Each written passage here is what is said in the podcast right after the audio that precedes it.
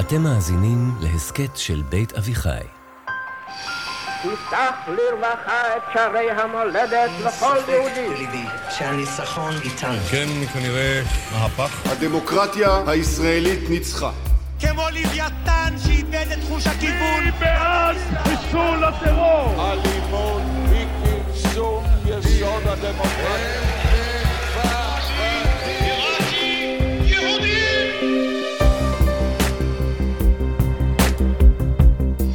שלום, אני אפרת שפירא רוזנברג ואתן מאזינות ומאזינים לעונה השנייה של מפלגת המחשבות. ההסכת שבו יחד עם דוקטור מיכה גודמן אנחנו צוללים אל עומק הרעיונות שמאחורי הפוליטיקה הישראלית. נכון שברוב המשפחות, מקומות העבודה או המפגשים החברתיים יש מוסכמה כזאת שלא מדברים על פוליטיקה?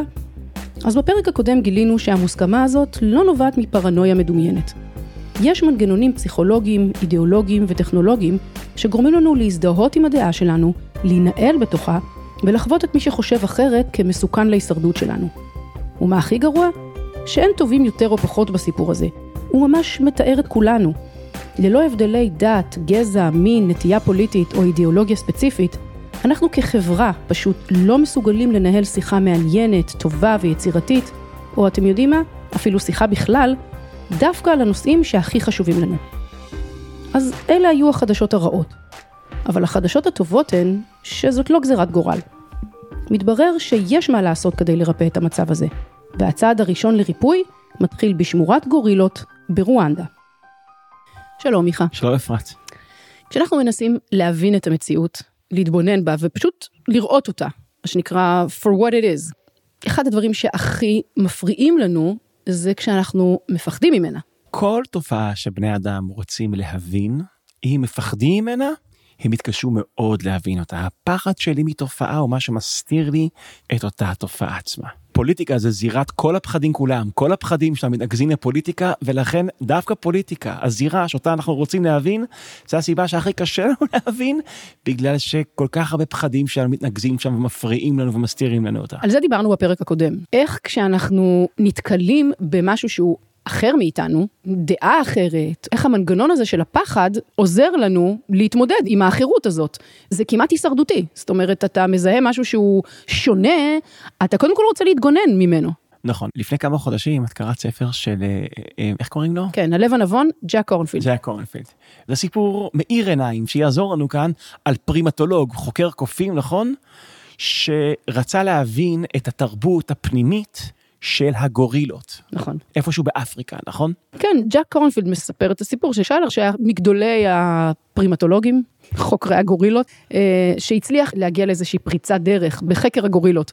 ושאלו אותו, למה דווקא הוא, מכל החוקרים שבאו לפניו, שניסו לפצח את הדינמיקות החברתיות ביניהם, בין הגורילות, למה דווקא הוא הצליח להגיע לפריצת הדרך הזאת? אני אגיד לך מה תפס אותי כאן, כשאתה שואל את חוקר שהצליח להגיע לפריצת דרך, אדם שהצליח לראות דברים שאף אחד אחר לא ראה, להבין מציאות שאף אחד אחר לא הצליח להבין.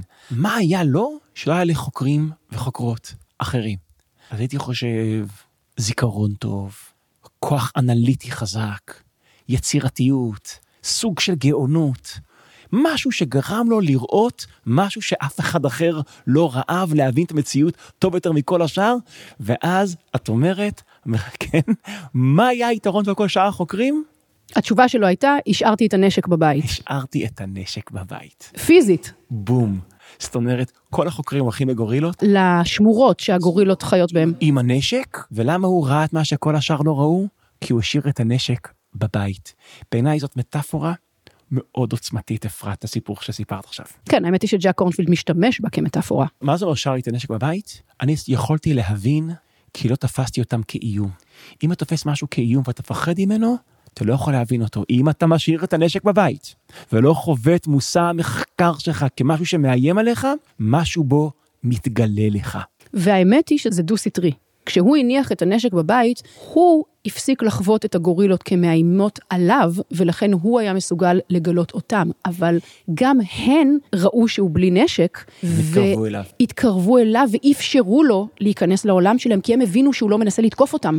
המשמעות הכפולה של הסיפור הזה היא בעצם המטאפורה שלנו. שני הצדדים מבינים שאין פה מערכת יחסים של תוקף ונתקף, מאיים ומאוים, אלא יש פה הזמנה להבנה. עכשיו תראי, מה שאנחנו אומרים זה מאוד מאוד יפה, אבל כמעט בלתי אפשרי ליישם כשאנחנו מגיעים לסכסוך. כי כשאני חושב על הסכסוך, הסכסוך מאיים, מפחיד, ואגב, בצדק, כל העתיד של מדינת ישראל תלוי במדיניות שאנחנו ננקוט בהקשר של הסכסוך.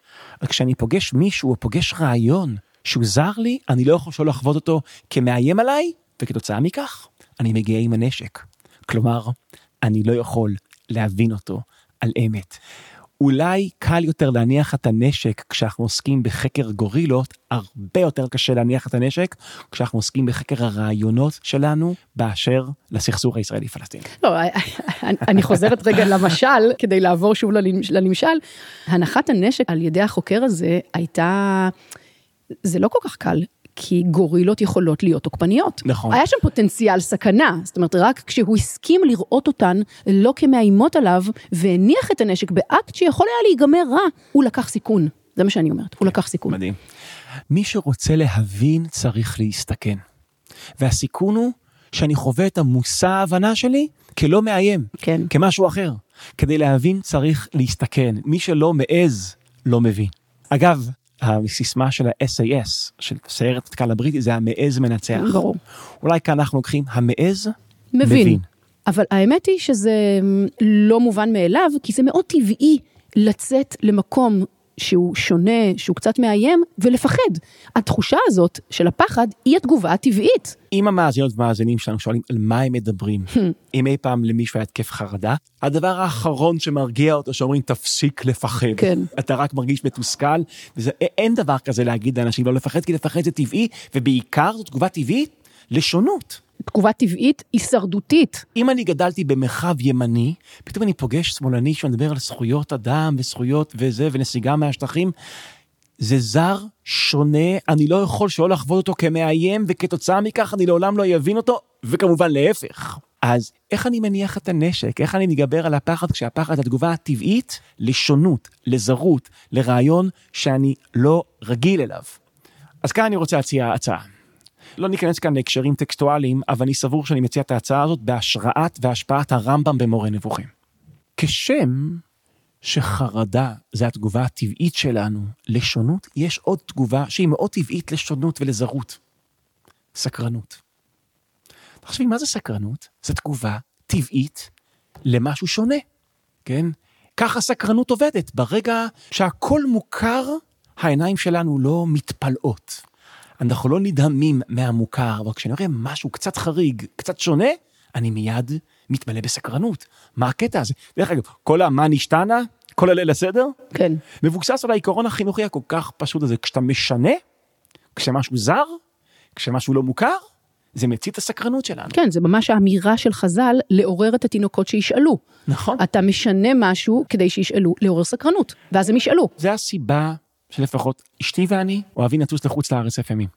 לצאת מהמוכר אל הלא מוכר, ופתאום הכל לרגע אחד מעניין.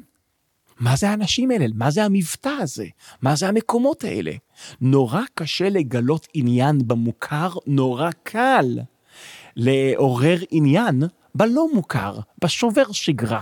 אז זה קטע, אני חושב שמה שאנחנו אומרים זה מובן מאליו, רק בואו נחבר את הדברים. חרדה זה תגובה לשונה, סקרנות זה תגובה לשונה. ושתי התגובות האלה הן תגובות ש, שהן יכולות להיות טבעיות. טבעיות. והשאלה היא, למה כל כך קל לנו ללכת בנתיב של החרדה, ויותר קשה לנו ללכת בנתיב של הסקרנות? נכון, ובעצם אולי המסקנה שאנחנו מנסים לייצר כאן, כשאנחנו מדברים על להניח את הנשק, אנחנו לא מדברים על לכבות את הרגשות שלנו, אנחנו מדברים על להמיר אותם. אותם. להפוך חרדה לסקרנות. חרדה וסקרנות הם תגובה לאותו הדבר עצמו, לשונות. להניח את הנשק זה לא לא להרגיש, זה להרגיש. זה לחוות את המושא שלך כמעניין ולא כמאיים. זה אולי הצעד הכי בסיסי, הפסיכולוגי הבסיסי, החשוב שלנו, בהנחת הנשק, וההתקרבות לניסיון להבין טוב יותר את המציאות. טוב, אתה יודע, אני חושבת ששוב, אני לא יודעת אם יש איזשהו היגיון בללכת לתגובה הטבעית של החרדה ולא לתגובה הטבעית של הסקרנות, כי אני חושבת שאם אתה הולך בנתיב של הסקרנות, זה גם uh, לקחת סיכון. נכון. אולי זה ישנה אותי, אולי אני אשתכנע, אולי אני כבר לא אהיה מה שאני. נכון. וזה מפחיד. אני מסכים איתך. המעבר מחרדה לסקרנות, יש פה עסקת חליפין. מה עסקת חליפין? זה אכן עשוי לשנות אותי. נכון. חרדה היא מאוד אגוצנטרית. אני רואה אותך, אותו, ואני חושב על עצמי מה הוא מאיים עליי. סקרנות משחרר אותי מהאגו שלי. אני מתעניין בו. חרדה ממוקדת בי, אני מאוים. סקרנות זה בו, וואו, הוא מעניין. כן. ועוד הבדל בין חרדה לסקרנות, חרדה זה ללכת אחורה, זה רתיעה, זה להתרחק. אז סקרנות מקרבת אותי, גורמת לי להבין, היא גם כמובן מסוכנת, היא כמובן מאיימת. זה ה trade off. אולי אני אהפוך לשמאלני, אולי אני אהפוך לחילוני, אולי אהפוך לדתי, נכון?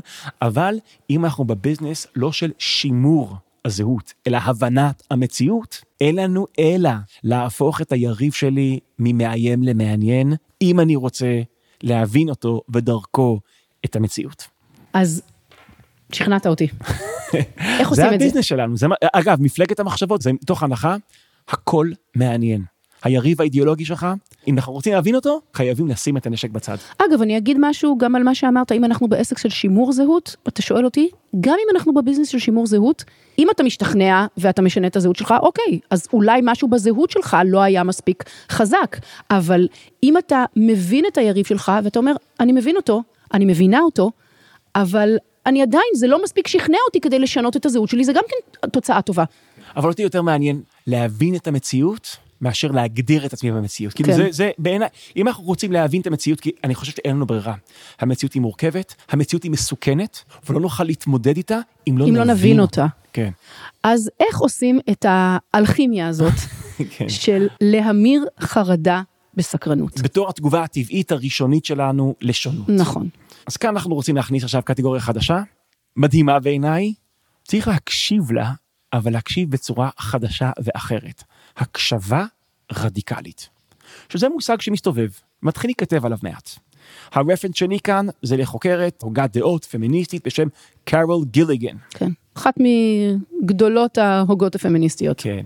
הקשבה ורדיקליות, לא הולכות ביחד בדרך כלל. כשאנחנו אומרים טיפוס רדיקלי, איך אנחנו מדמיינים הוא אותו? טיפוס שלא מקשיב, בדרך כלל. כשאני חושב על אדם רדיקלי, אני חושב על אדם כועס עם מגפון ביד. נכון, נואם בעיקר, נואם, בקול. או צועק. כן. כן, בושה, לא יודע, צועק, מטלטל את הגדר, משנה את המציאות. שפת הגוף של המקשיב הוא כזה יותר פסיבי, יותר מכיל, יותר מקבל. שאלה, איך מקשיבים באופן רדיקלי? שאלה טובה. מה שאני אומר עכשיו, זה גם בהשפעת הרמב"ם במורה נבוכים, וגם באיך שקרול גיליגן אוספת את זה, אני לא יודע אם הרפרנס שלה זה המורה, זה מורה נבוכים. אני מניחה שלא. כן, אז ככה, לרמב"ם יש הבחנה מדהימה במורה נבוכים. הוא מונה את הסיבות שמרחיקות את האדם מהאמת. אחת מהם, והוא מצטט כאן פרשן של אריסטו בשם אלכסנדר אלפדריוסי, והסיבה הראשונה שמרחיקה את האדם מהאמת, זה הרצון לנצח בוויכוח. הרצון להיות צודק מרחיק אותנו מהאמת. מדהים שזה היה נכון במאה ה-12, וזה נכון גם היום. כן, ברגע שאתה רוצה להיות צודק, אתה מתרחק מהאמת. הרוצה להיות צודק זה לא אנשים ספציפיים, זה אנשים, אנשים. עכשיו, ככה זה נראה. כשאני רוצה להיות צודק, אז אני נניח אני איש ימין, מאזין עכשיו להרצאה של איש שמאל. כמעט כל הפעילות המוחית שלי במהלך ההרצאה, הוא מציג את התזה השמאלנית שלו, לי חשוב להיות צודק, לכן מה אני עושה כל ההרצאה? אני שואל את עצמי, איפה הוא טועה? איפה הוא מעד? איפה הוא לא ציטט נכון את המחקר? איפה הוא? כמעט אין לי שליטה על זה. בעצם מה אני עושה, אם אני איש ימין שמקשיב לאיש שמאל, מה אני עושה? אני כל הזמן משווה את מה שהוא אומר למה שאני כבר חשבתי לפני כן. והקנה מידה שבאמצעותו אני מודד ושופט את מה שהוא אומר, זה הדעות שכבר יש לי. ואם זה דומה לדעות שלי, אני מקבל אותן. אם זה שונה מהדעות שלי, אני דוחה אותן. הדעות שכבר יש לי, הם הקנה מידה לשיפוט הדעות שלו. במילים אחרות, כשאני מקשיב ככה, למי אני מקשיב? לעצמי. אני נעול בתוך עצמי. זאת החוויה, נקרא לזה, זאת ההקשבה הקונבנציונלית שלנו. כמו שאמרת, אנחנו כמעט לא שולטים בזה, זה קורה באופן כמעט נכון, טבעי. נכון. אדם דתי ששומע אתאיסט לראשונה, הוא לא יכול שלא לשאול איפה הכשל, איפה הבעיה. אדם חילוני ששומע נניח מישהו שמנסה להחזיר אותו בתשובה, כל מנגנוני ההגנה שלו מורמים. איפה הבעיה שלו, של הפרימיטיבי הזה, איפה הכשל שלו, אנחנו לא יכולים... זה מה שאנחנו עושים. זאת הקשבה רגילה. וכולנו עושים את זה. כן. לא ימנים עושים את זה כשהם שומעים שמאלנים, לא, כולם עושים את זה. זאת התגובה האינטלקטואלית שלנו לעמדה שהיא שונה משלנו. אז מה זה הקשבה רדיקלית? זה פעולה לא טבעית, יזומה, מכוונת. במקום באופן טבעי לחשוב איפה הוא טועה, באופן יזום לשאול איפה הוא צודק. אולי זה ניסוח בסיסי להקשבה רדיקלית, אני מרגיש שלא מספיק עמוק. הקשבה רדיקלית זה במקום שאני שואל, למה אני חושב שהוא טועה? לשאול למה הוא חושב שהוא צודק. במקום שאני מקשיב ליריב שלי מתוך העיניים שלי, אני מקשיב ליריב שלי מתוך העיניים שלו. הרי הוא חושב שהוא צודק. למה הוא חושב שהוא צודק? נראה לי שמה שאתה אומר עכשיו, הניסוח הזה, זה לא רק אה, שאלה, ש... סמנטיקה של ניסוח. אני חושבת שזאת מתודה אחרת. אני חושבת שהניסוח הראשון שלך, יש בו משהו כמעט בלתי אפשרי, או מאוד קשה לביצוע. שבן אדם, או שאני מקשיבה, ואני צריכה לא לשאול את עצמי למה הבן אדם הזה טועה, אלא למה הוא צודק, זה כמעט בלתי אפשרי. לי להפסיק לשמוע את עצמי, להתנתק מעצמי, זה כמעט חוויה חוץ גופית כזאת. יותר ריאלי, שאני אשאל את עצמי, למה הוא חושב שהוא צודק? בוא נתחיל עם זה, למה הוא חושב שהוא צודק? אני חושבת שזה לא רק סמנטיקה, אלא זה באמת, אה, מתודית זה משהו אחר. זה משהו אחר. שאני מרגישה חושבת- שהוא יותר ריאלי. ואת בתור פמיניסטית מקשיבה למישהו שמציג תזה שמרנית פטריארכלית, את חושבת שאת מסוגלת לקפוץ מעל האינסטינקט שלך, לשאול איפה הוא טועה, ולשאול למה הוא חושב שהוא צודק, לראות את העולם מהעיניים שלו? אני חושבת שזה משהו שאני, אני אומרת את זה מתוך ניסיון. קשה לי, יכול להיות שאני עוד לא מספיק מפותחת, אבל אני חושבת שאני לא מצליחה עדיין לשאול את עצמי, למה אני חושבת שהוא צודק, אבל אני כן מרגישה שיותר קל לי לשאול את עצמי, למה הוא חושב שהוא צודק. מה שניסינו בינתיים לייצב בסיפור שאנחנו מספרים כאן, שהדרך להבנה עוברת מהמעבר מחרדה לסקרנות, והצורה שבה אנחנו ממירים חרדה בסקרנות, שאנחנו מפסיקים להקשיב באופן רגיל לרעיונות שהם שונים מאיתנו, ומנסים להקשיב באופן רדיקלי. ומהניסיון שלי, הקשבה רדיקלית זה משהו שצריך להתאמן עליו. זה שריר שהוא מנוון אצל רובנו, וצריך להתאמן עליו. ואגב, אני כבר רוצה פרומו למאזינות ומאזינים, אנחנו הולכים לעשות משהו מוזר ולהזמין את כולנו, כולכם, כשאנחנו נדבר על הסכסוך, על העמדות השונות, על הרעיונות השונים, להתאמן בהקשבה מהסוג הרדיקלי, אבל זה לא הולך להיות קל. כן. אגב, זה לא, זה לא קל לי, זה לא קל לך, זה לא קל לאף אחד נכון. מאיתנו. בעצם מה שאתה אומר, המרת החרדה בסקרנות, זה בעצם אומר, לפי הניסוחים שאמרת עד עכשיו, שאני אפסיק להקשיב לעצמי ואני אתחיל להקשיב למי שמולי. זאת בעצם המשמעות של זה. להקשיב באופן שבו הדעות שלי הם לא הקנה מידה שדרכו אני מקשיב ומודד את מי ש... את מה שהוא אומר. כן. לכן זה רדיקלי. וחלק מהסיבה שזה קשה, זה בגלל שהמנגנונים האידיאולוגיים שדיברנו עליהם בפרק הקודם, ליברליזם והלאומיות והדת, שאלה מנגנונים אידיאולוגיים שרובנו חיים בתוכם, בתוך אחד מהם לפחות, אם לא בתוך חלק מהם במקביל, נראה לי שאת בשלושתם. יכול להיות, הם, הם לא עוזרים לנו לעשות את המהלך הזה. נכון, בפרק הקודם דיברנו איך הם, דווקא תפיסת עולם ליברלית מונעת ממך מאנשים ליברליים להקשיב לאנשים אחרים. לאומיות גורמת לך להרגיש מישהו הוא לא לויאלי, הוא לא פטריוט, אז אתה מבטל אותו. דתיים נוטים לחשוב שמי שחולק עליהם חוטא. טוב, כל זה עשינו, נכון? כן. אני רוצה רק לתקן אולי טעות רווחת. אז מה הפתרון הוא להיות לא אידיאולוגי? אם אני אהיה לא דתי, לא לאומי, לא ליברל, אני אדע להקשיב? צריך להיות. ניטרלי אידיאולוגית כדי או להקשיב? כזה אחד שלא אכפת לו מכלום, כן. שלא מעניין אותו שום דבר, הפתרון צריך לבוא לא מתוך התגברות על אידיאולוגיות, אלא מתוך, מתוך האידיאולוגיות. האידיאולוגיות. אז בוא נתחיל בחלק הקל. נראה לי שליברלים פשוט צריכים להיות ליברלים. כן? רק תהיה ליברל באמת. וליברל באמת, מי שבאמת רוצה לקדם ערכים, למשל, של חופש וחופש הביטוי, צריך לא לצנזר את מי שקצת לא נראה לו ולא מתאים לו, אלא להקשיב לו. זאת אומרת, המסלול מליברליות להקשבה רדיקלית הוא די קצר, הוא די קצר. כן. לאומיות, מסלול קצת יותר קשה, אבל לדעתי הוא שם. אם אני באמת אוהב את העם שלי, כי אני לאומי, אני אוהב את כל העם שלי, זה כולל גם אנשים עם דעות שונות משלי. בעיניי זה מבחן העליון של לאומיות. המבחן העליון של לאומיות, האם יש לי סולידריות, גם עם אנשים מתוך העם שלי שהם לא לאומיים. בדיוק, כמוני.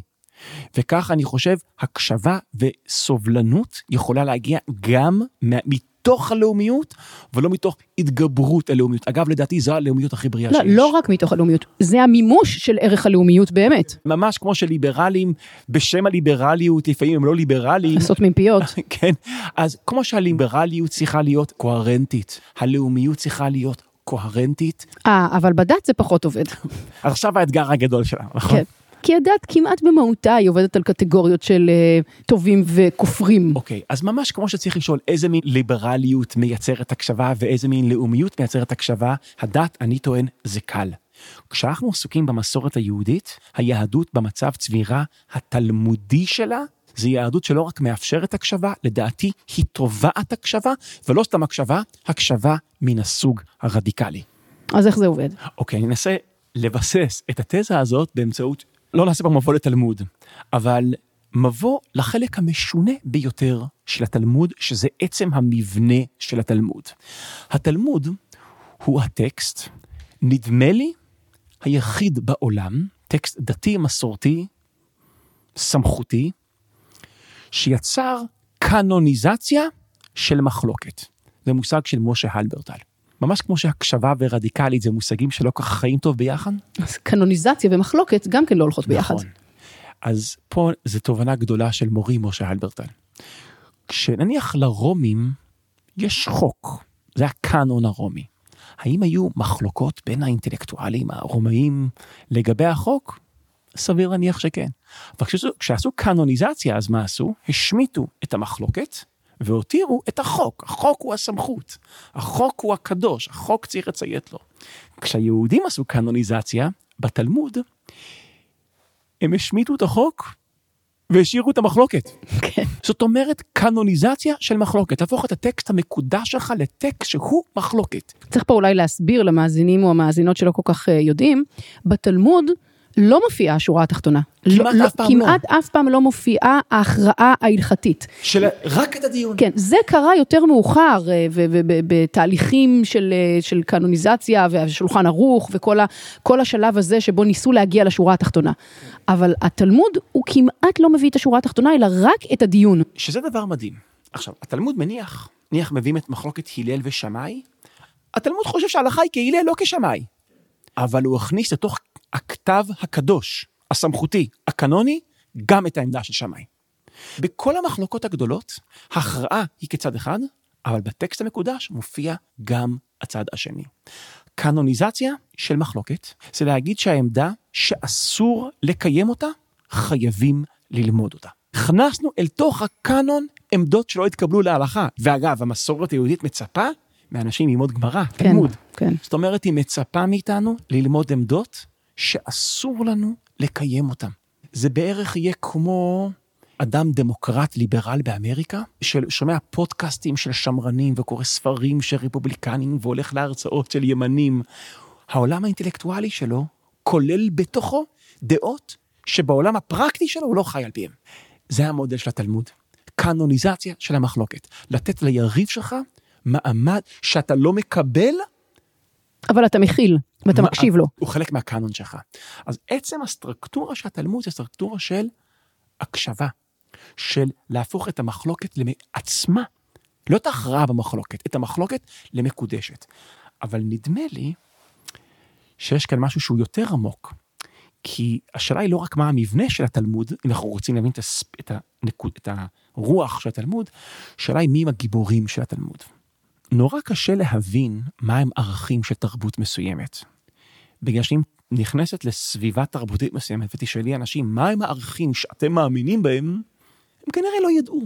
זה לפעמים כאילו חלק מהאוויר שאנחנו נושמים, זה נכון. לפעמים, זה שקוף, יש אנחנו לא רואים את זה. ערכים שמפעילים אותנו, אבל אנחנו לא רואים אותם. מהמם.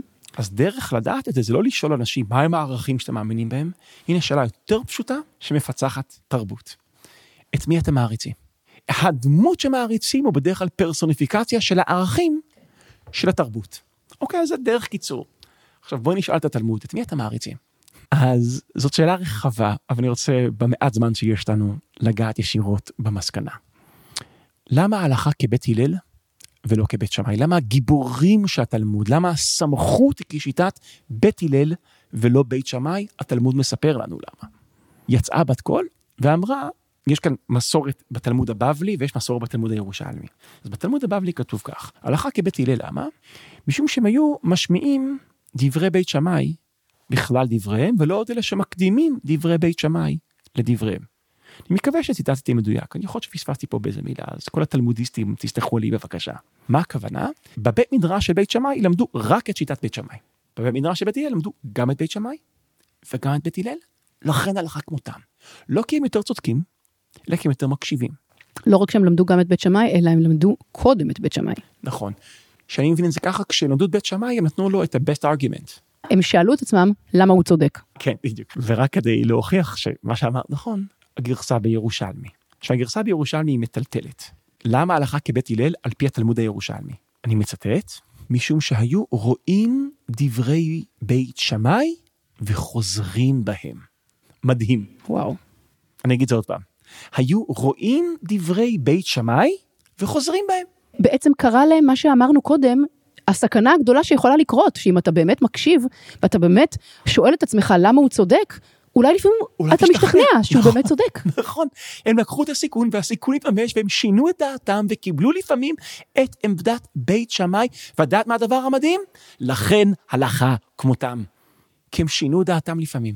הפרדוקס של התלמוד, ההלכה היא לפי הדעה של אלו שמשנים לפעמים את הדעה שלהם. שזה מדהים כשאנחנו חושבים על זה בחברה הישראלית ובחברה שאנחנו חיים בה היום. כאילו אם יש איזשהו מנהיג שמשנה את דעתו, הוא מושא לעג.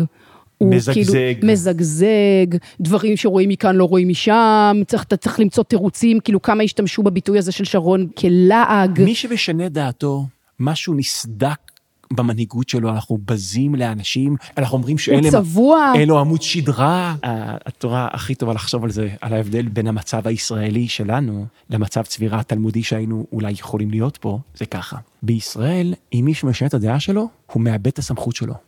בית הלל, בגלל שהם שינו את הדעה שלהם, הם קיבלו את הסמכות שלהם. הסמכות שלהם הלכה כמותם, למה? כי הם לפעמים משנים את הדעה שלהם. התלמוד אומר, אם שינית את הדעה שלך, זו לא סיבה לאבד את הסמכות שלך, זה הסיבה שאתה מקבל את הסמכות שלך. כי אתה... למה? אנחנו סומכים עליך. אנחנו סומכים עליך שאתה תמיד תחפש את ה... לא להצדיק את עצמך, אלא את האמת. אתה לא מחפש את הלהיות צודק, אתה מחפש את האמת עצמה.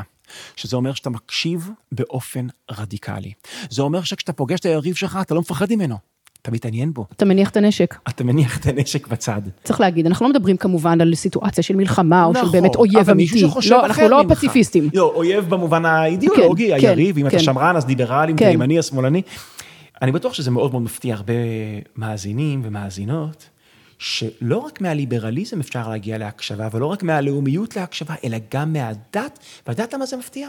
כי נדמה לי שאנחנו מאוד מאוד רגילים למודל המקראי של יהדות. ואני חושב ספציפית על הנביאים.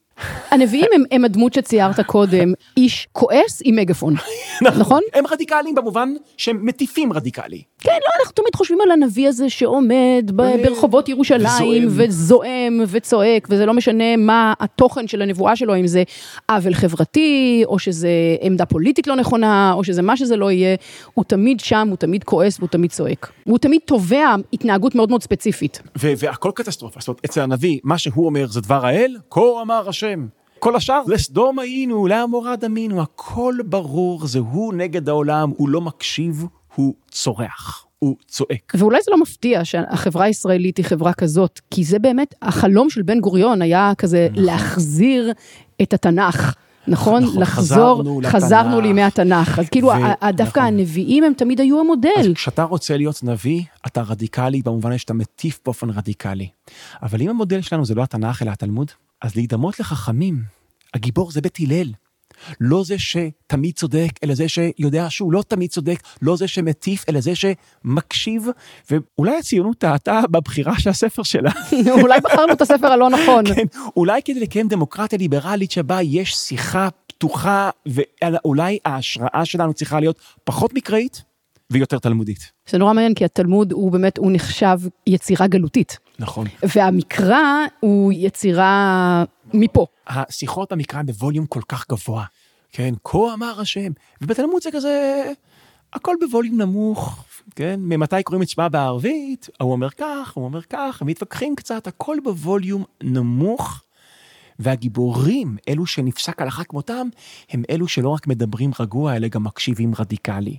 וזה המבנה של התלמוד, שעושים קנוניזציה של היריב, וזה הגיבור של התלמוד, שמקשיב ליריב. ואז במובן הזה, אם אני יכול להגיד משהו על המשך הדרך שלנו, עשינו כאן עצירה של שני פרקים, בתוך השיח שלנו על הסכסוך. כי אנחנו רוצים לחזור עכשיו לסכסוך ולהתבונן בכל הטיעונים שיש, של הימין, של השמאל. אבל אנחנו יודעים שכשאנחנו נוגעים בטיעונים האלה, כולם מפחדים. כשאנחנו נציג באור חיובי את השמאל, הימין יזדעזע, וכשנציג באופן חיובי את הימין, השמאל יזדעזע. אבל אם אתם מאוימים ומפחדים, ממש כמונו, לעולם לא נוכל להבין. האם אנחנו נוכל לעבור מחרדה לסקרנות? זה תלוי ביכולת שלנו להקשיב באופן רדיקלי, ללכת בדרך הגדולה והמפוארת של בית הלל. זה קשה, בטוח ניכשל בזה, אבל זה מה שאנחנו ננסה לעשות עכשיו שאנחנו חוזרים לסכסוך, וננסה לשים את הנשק בצד ולנסות להבין את הקטע.